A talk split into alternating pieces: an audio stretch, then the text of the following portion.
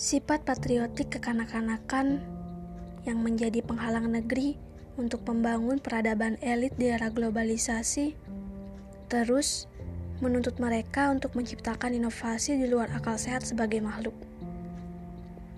Masih ada yang skeptis akan sains. Masih ada pula yang mencemooh aparatur negeri dengan stigma seolah benar sendiri. Inikah Inikah yang diinginkan negeri ini? Negeri yang hancur diporak-porandakan oleh stigma sendiri? Tidak, bukan?